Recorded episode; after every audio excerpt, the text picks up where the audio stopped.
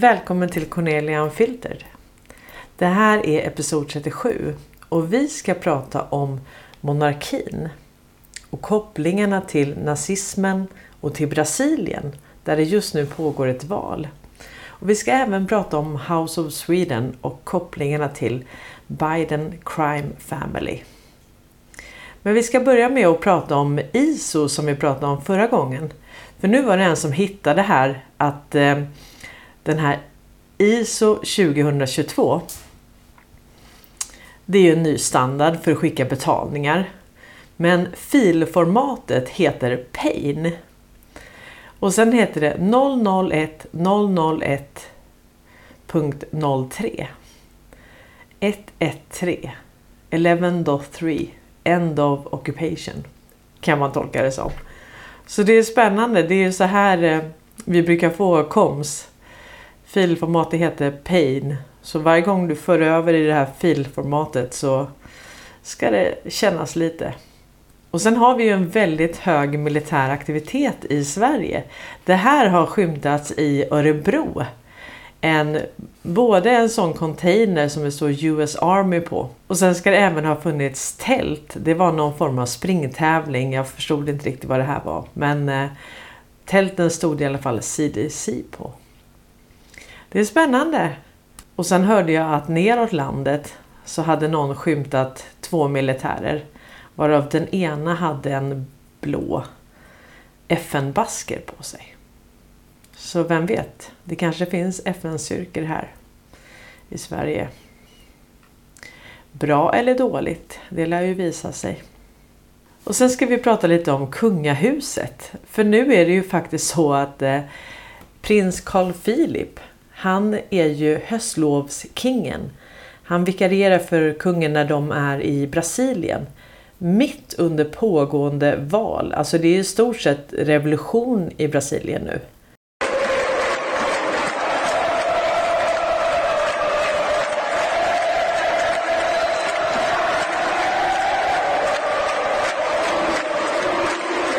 Och vi har ju blivit grundlurade, eller jag har blivit det i alla fall, kring kungens roll i Sverige. På riksdagens hemsida står det så här. I Sverige är kungen statschef. I republiker är det ofta presidenten som är landets statschef. Kungen i Sverige har bara symboliska och representativa uppgifter. Men det är ju faktiskt så att kungen han är ju ordförande i utrikesnämnden och det är bara ordföranden, det vill säga kungen, som kan besluta om ovillkorlig tystnadsplikt. Om det är fara för krig så fattar utrikesnämndens ledamöter tillsammans med statsministern beslut om att krigsdelegation ska ersätta riksdagen. Om Sverige är i krig så är det utrikesnämndens ledamöter som beslutar att krigsdelegationen ska ersätta riksdagen. Så utöver att vara ordförande för utrikesnämnden, vara den som kan besluta om ovillkorlig tystnadsplikt, så lobbade även kungaparet för svenska ubåtar tillsammans med Wallenberg. Det var ju när Nederländernas kungapar träffade sin svenska motsvarighet och ett antal svenska näringslivstoppar vid ett runda bordsamtal på Grand Hotel på onsdagen. En av frågorna som diskuterades var ubåtar, säger Jacob Wallenberg till DI. Saab hoppas att få sälja detta till landet och ska snart få lämna offert. Så det här är ju vad kungen, vad är det kungen gör? Vad är det kungafamiljen gör? Ja, vi vet ju att de åkte ner till Afghanistan. Var det, skulle man säkra heroinet då? För Mr Wallenberg? Eller vad har de haft för roll egentligen? De har ju inte haft det som stod här. Att kungen i Sverige har bara symboliska och representativa uppgifter. Ja, det kan ju diskuteras. Så om det nu skulle bli krig i Sverige så är det Carl Philip, prins Carl Philip. För han vikarierar ju för kungen just nu när han befinner sig i Brasilien tillsammans med Silvia och Victoria och Madeleine. Och det är inget litet ansvar. Det är en lång resa hem från Brasilien. Och de kallar honom för höstlovskingen. Så respektlöst va? Så här har det ju inte alltid varit. Vi ska höra här hur de pratar om kungahuset på nyheterna. Kungliga nyheter som kanske fick en och annan att eh, hoppa till idag.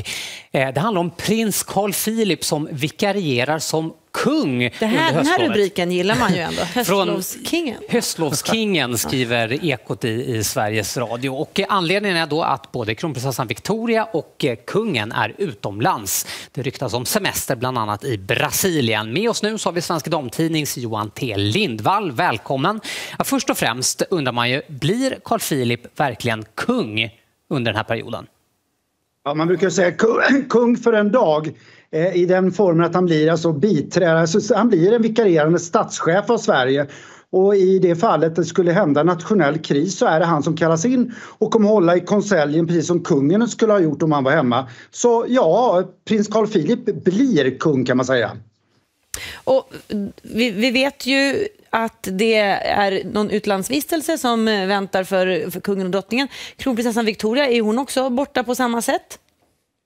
Ja, kronprinsessan Victoria är också i Brasilien, kungen och drottningen i Brasilien och då faller det ner i tronföljden och hamnar då på Carl Philip. Hade Carl Philip också varit utomlands då hade det ramlat på, ner på Madeleine. Madeleine var faktiskt eh, statschef, vikarierande statschef 2011 en gång och då var hon drottning av Sverige under en vecka. Det här har ju väckt stor uppmärksamhet. Det här bredvid eh, ormen Sir Väs har varit de två absolut största snackisarna idag med folk jag har träffat. Man pratar om att Carl Philip ska bli kung av Sverige och att Sir Väs fortfarande är på rymmen från Skansen. Ja, och Carl Philip bor ju faktiskt på Djurgården också så att han kanske får akta sig lite grann för Sir Väs där. Men man undrar ju, vad skulle liksom tekniskt ske om vi till exempel då plötsligt skulle få en ny regering? Är det då Carl Philip som skulle få hålla i skifteskonseljen?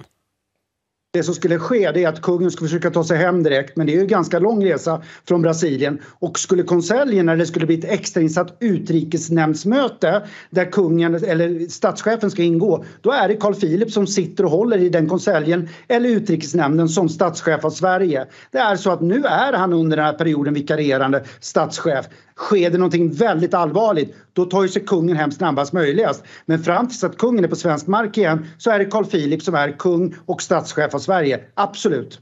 Kung för en dag och kung för ett höstlov alltså. Ja, Tack så jättemycket Johan T Lindvall. Kungariket Sverige är en konstitutionell monarki med en kung eller regerande drottning som landets statschef. Sedan Västerås arvförening år 1544 är Sverige en arvmonarki. Tronföljden regleras i successionsordningen som är en av Sveriges grundlagar. Nuvarande successionsordning antogs 1810. Och vad är det som händer nu? Jo, nu har man alltså lagt en motion. Dags för ett modernt statsskick. Och då står det så här. Förslag till riksdagsbeslut. Riksdagen ställer sig bakom det som anförs i motionen om att det bör tillsättas en utredning om avskaffande av monarkin och tillkännager det för regeringen. Och så står det så här. Till dess att monarkin avskaffas bör därför följande principer förändras. Avskaffande av statschefens åtalsimmunitet. Det vill säga nu kan han åtalas. Vad har kungahuset sysslat med? Avskaffande av bekännelsetvånget för statschefen.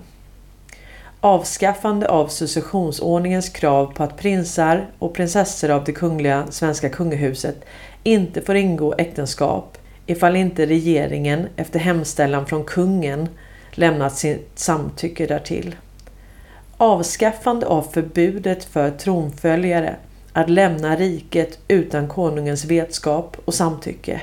Offentlighetsprincipen ska gälla i kungliga hov och slottsstatens ekonomi och verksamhet.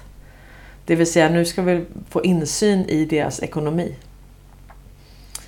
Regeringen ser över möjligheten att avskaffa monarkin. Alltså det här är historiskt hörni. Det här infördes, alltså den arvförening som vi har nu med att det är en arvsmonarki. den infördes 1544. Och nu går den här eran i graven. Och nu befinner sig alltså kungafamiljen i Brasilien. Och Silvias pappa, han var ju nazist. Då står det så här i Svenska Dagbladet. Drottning Silvias far Walter Sommerlath föddes 1901. Han flyttade 1919 till Brasilien. 1925 gifte han sig med drottning Silvias mor Alice de Toledo. Walter Sommerlath gick med i nazistpartiet 1934. Visar partiets register. Han fick medlemsnummer 359 2030. 1938 flyttade familjen till Tyskland och drev snart en verkstadsindustri som från 1940 gick över till krigsmaterielstillverkning. Drottning Silvia föddes 1943. Kriget tog slut 1945. Familjen tog sig 1947 tillbaka till moderns hemland Brasilien och Sommerlath arbetade för det svenska företaget Uddeholm. Silvia gifte sig med kung Carl Gustav 1976. Walter Sommerlath gick bort 1990 och då var ju han en aktiv nazist. Och sen när kriget tog slut, när de riskerade att ställas inför rätta 1947 så flyttade de tillbaka till Brasilien. Det är ändå lustigt att när Walter flyttade tillbaka till Brasilien så fick han arbete på ett svenskt företag, Uddeholm. Och med tanke på det som har kommit fram om svenskar och nazismen, det som Ryssland pratar om, att vårt land bygger på nazism. Nu ser vi här att till och med kungahuset är nazister från början. Och vi vet ju att kung 16 Gustav, hans mamma Sibylla, är ju en Coburg gåta. Karl Norberg skriver så här. Varför skaldade Karl Gerhard i fråga om att Sverige hade blivit en filial till Coburg gåta? Hashtag Hållhagsbusiness.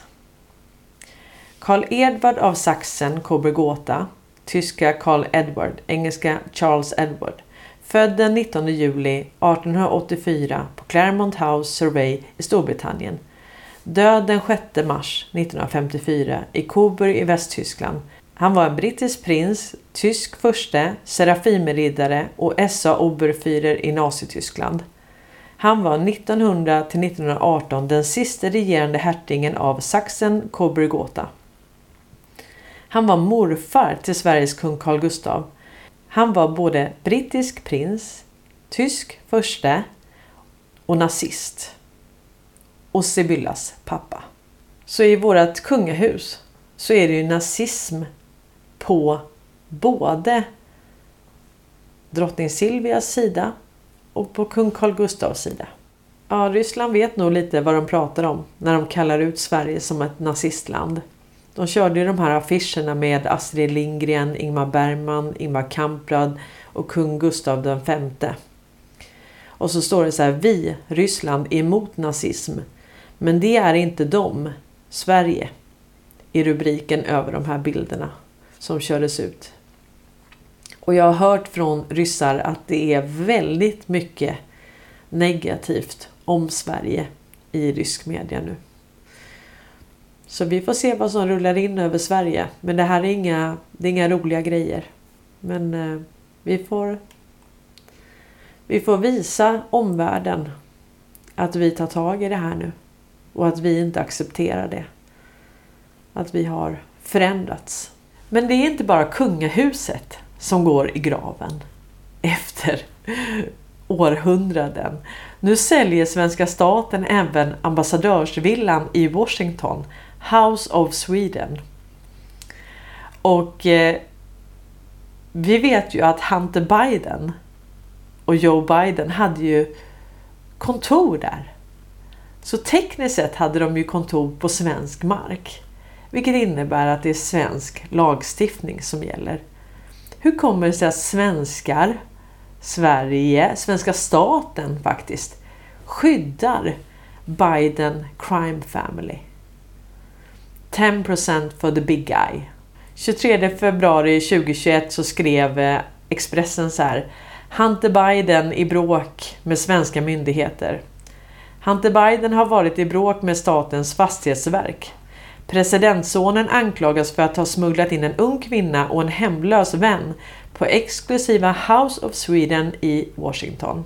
Och då skriver DN så här den eh, 24 februari 2021.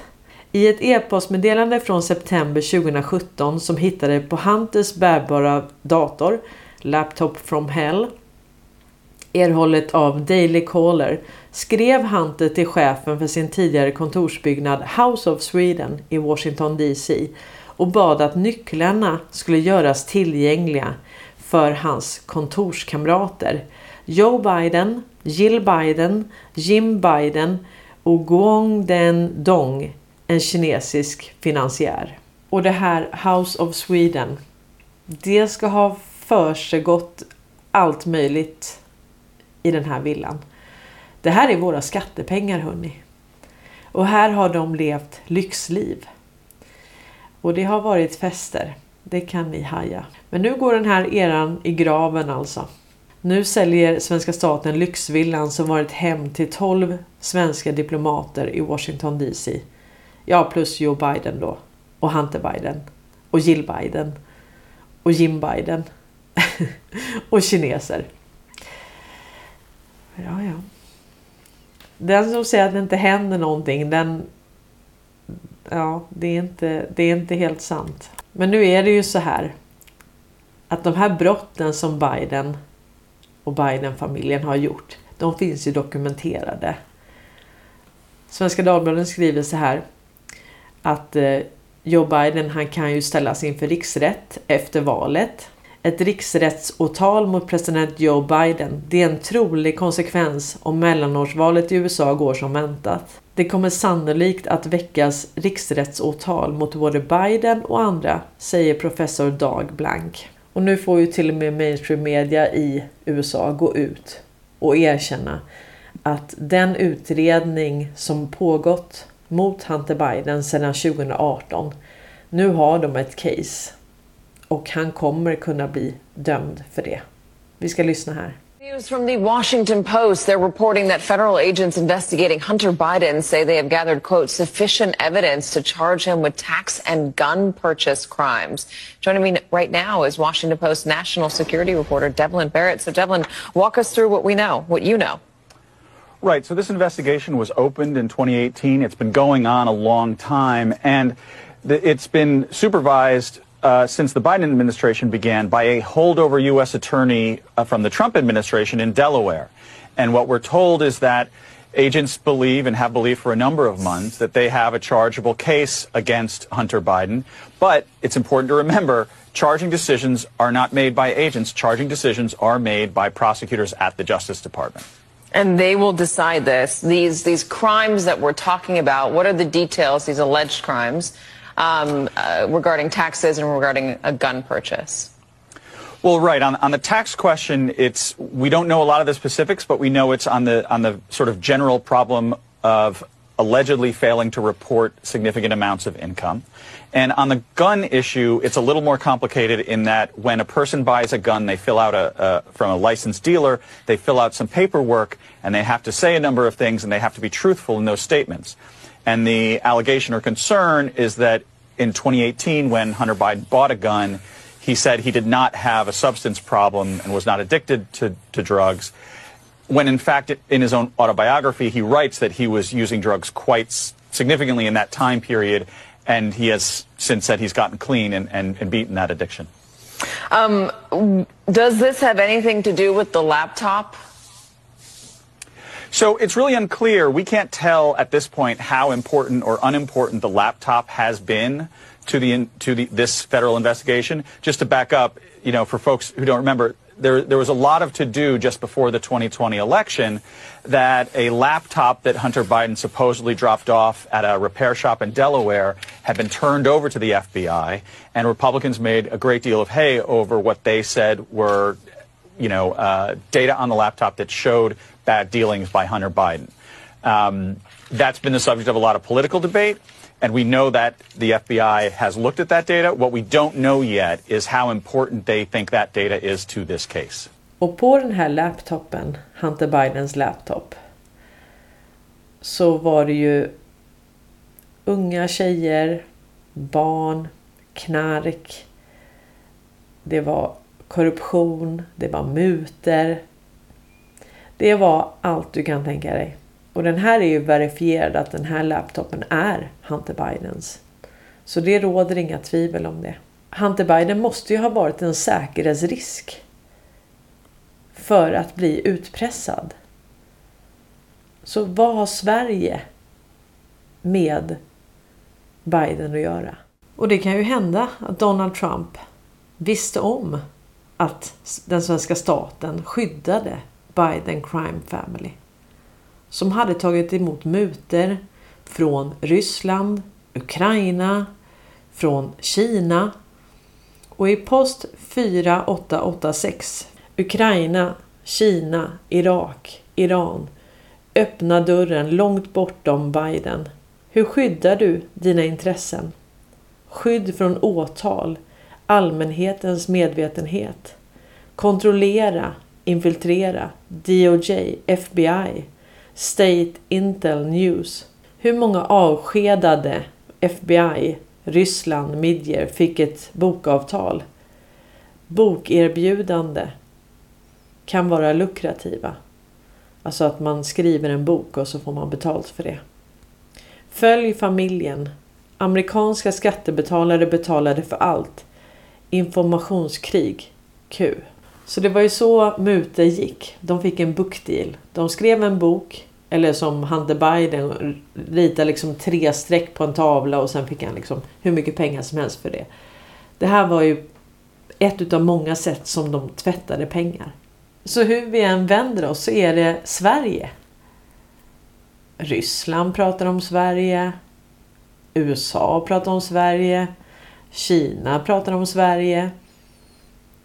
Det blåser in nu och det här kommer bli det här kommer bli rätt tufft. Och vi kan inte blunda för vår historia. Vi kan inte blunda för vad svenska företag, svenska staten har gjort i vårt namn. Det är vi folket. Och apropå vi folket hörni. Så drevet mot Elon Musk, det lät ju inte vänta på sig. Och det är så genomskinligt. Alltså han exponerar ju den djupa staten. Han tar bort censuren. Han ska återföra alla konton som bara gjort en mindre överträdelse enligt Twitter. Så han kommer återinställa alla konton. Och ändå så är det så många som inte förstår det här. Att det här karaktärsmordet på Elon Musk, det var ju väntat. Nu släpper de ut all möjlig information. Och det här är ju riktigt roligt. Nu skriver Joel M. Petlin på Twitter så här. Att bara på Twitter kan du se en man som är värt 200 miljarder dollar förhandla med en man som är värd 500 miljoner dollar om att spara 12 dollar per månad. För det var ju så att Elon Musk han tyckte att alla de som har blue checkmark på Twitter, de skulle nu betala för det. För det, för det där är ju ren nonsens. Det där är ju bara för deras ego så att säga. Då skriver Stephen King så här. 20 dollar per månad för att behålla mitt blåa checkmark. Fuck det. De skulle betala mig. Då, skriver, då svarar Elon Musk så här. Vi måste betala våra räkningar. Twitter kan inte bara förlita sig på annonsörer. Va, vad tycker du om 8 dollar? Så här, här förhandlar de från 20 dollar ner till 8 dollar. Då skriver Elon Musk så här. Twitters current lords and peasant system for who has or doesn't have a blue checkmark is bullshit. Power to the people. Blue for 8 dollar per month. Och då är det fem år delta på post 35. Också den 1 november 2017 då. Och då står det så här. Och där står det exakt samma formulering då. Power to the people. Så jag ska inte läsa hela Q-posten men det står så här. POTUS kommer att vara skyddad på AF1. Det är dags att ta tillbaka vårt land och göra Amerika great again. Låt oss hälsa och be för de modiga män och kvinnor i uniform som kommer åta sig detta uppdrag att frambringa fred, enhet och återlämna makt till folket. Ja, så vi får se om Trump kommer tillbaka till Twitter och twittrar My fellow Americans, the storm is upon us, som vi har väntat på. Det är inte utan att det här känns planerat hörni. Planerat in i minsta detalj, som Sickan skulle sagt. Jag tänker vi ska avsluta med en presskonferens som Hunter Biden och Joe Bidens eh, affärskompanjon Tony Boblinski höll om Biden Crime Family. Ha det gott allihopa. Tack att ni delar den här informationen och tack för att ni stöttar den här kanalen. Ha det gott nu allihopa. Good evening. My name is Tony Bobulinski. I served as a lieutenant in the United States Navy with high security clearance. My father and grandfather both served for decades in our country's armed forces. Since leaving the Navy, I've been involved in various successful businesses, both in this country and abroad. I'm making this statement to set the record straight about the involvement of the Biden family, Vice President Biden, his brother Jim Biden, and his son Hunter Biden in dealings with the Chinese. I've heard Joe Biden say that he's never discussed business with Hunter. That is false. I have firsthand knowledge about this because I directly dealt with the Biden family, including Joe Biden. I have also heard that Vice President Biden said on Tuesday that Senator Ron Johnson, the chair of the Senate Homeland Security Committee, should be ashamed for suggesting that Biden family sought to profit from their name. Well, here are the facts I know, and everything I'm saying is corroborated by emails, WhatsApp chats, agreements, documents, and other evidence. And the American people can judge for themselves. I brought, I guess, for record, three phones that spanned the years 2015 through 2018.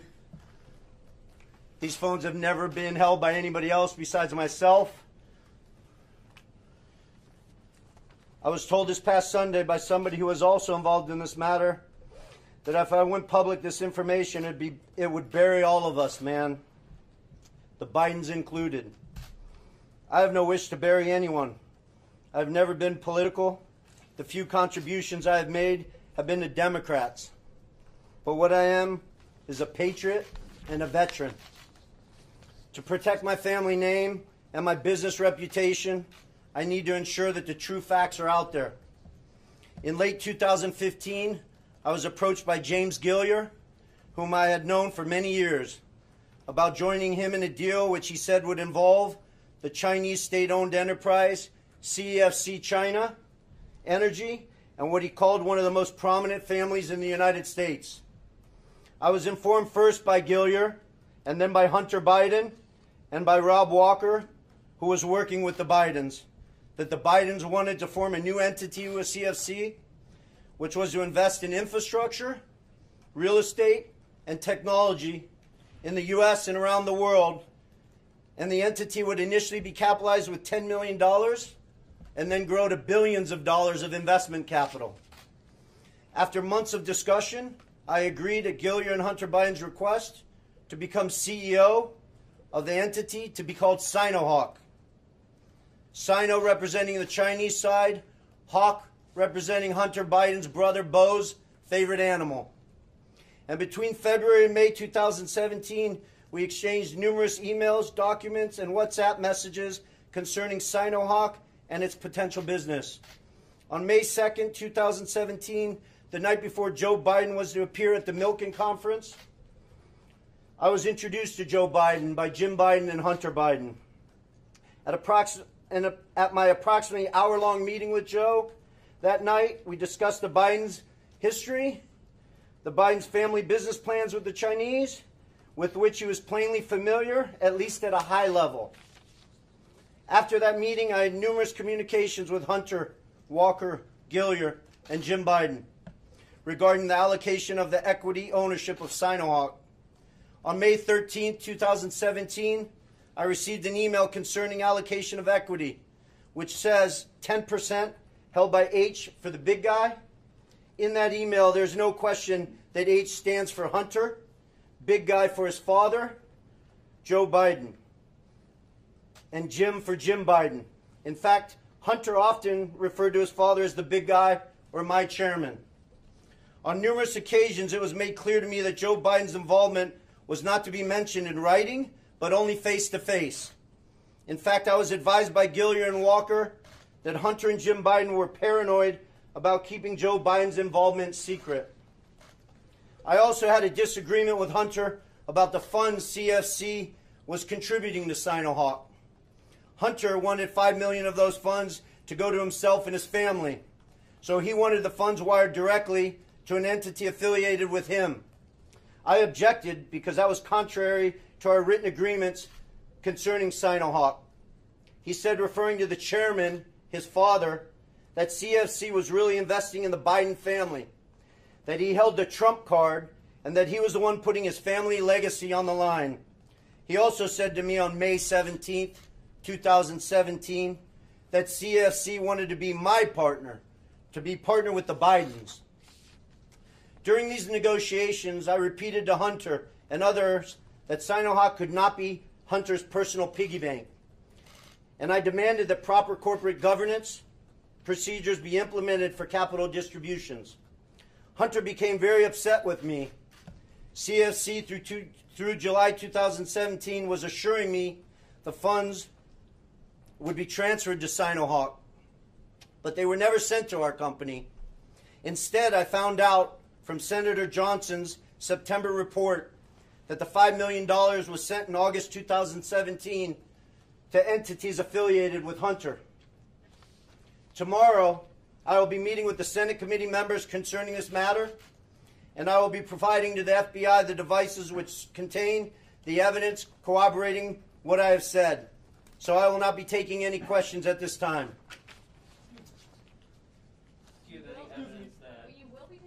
I will not be taking questions at this time.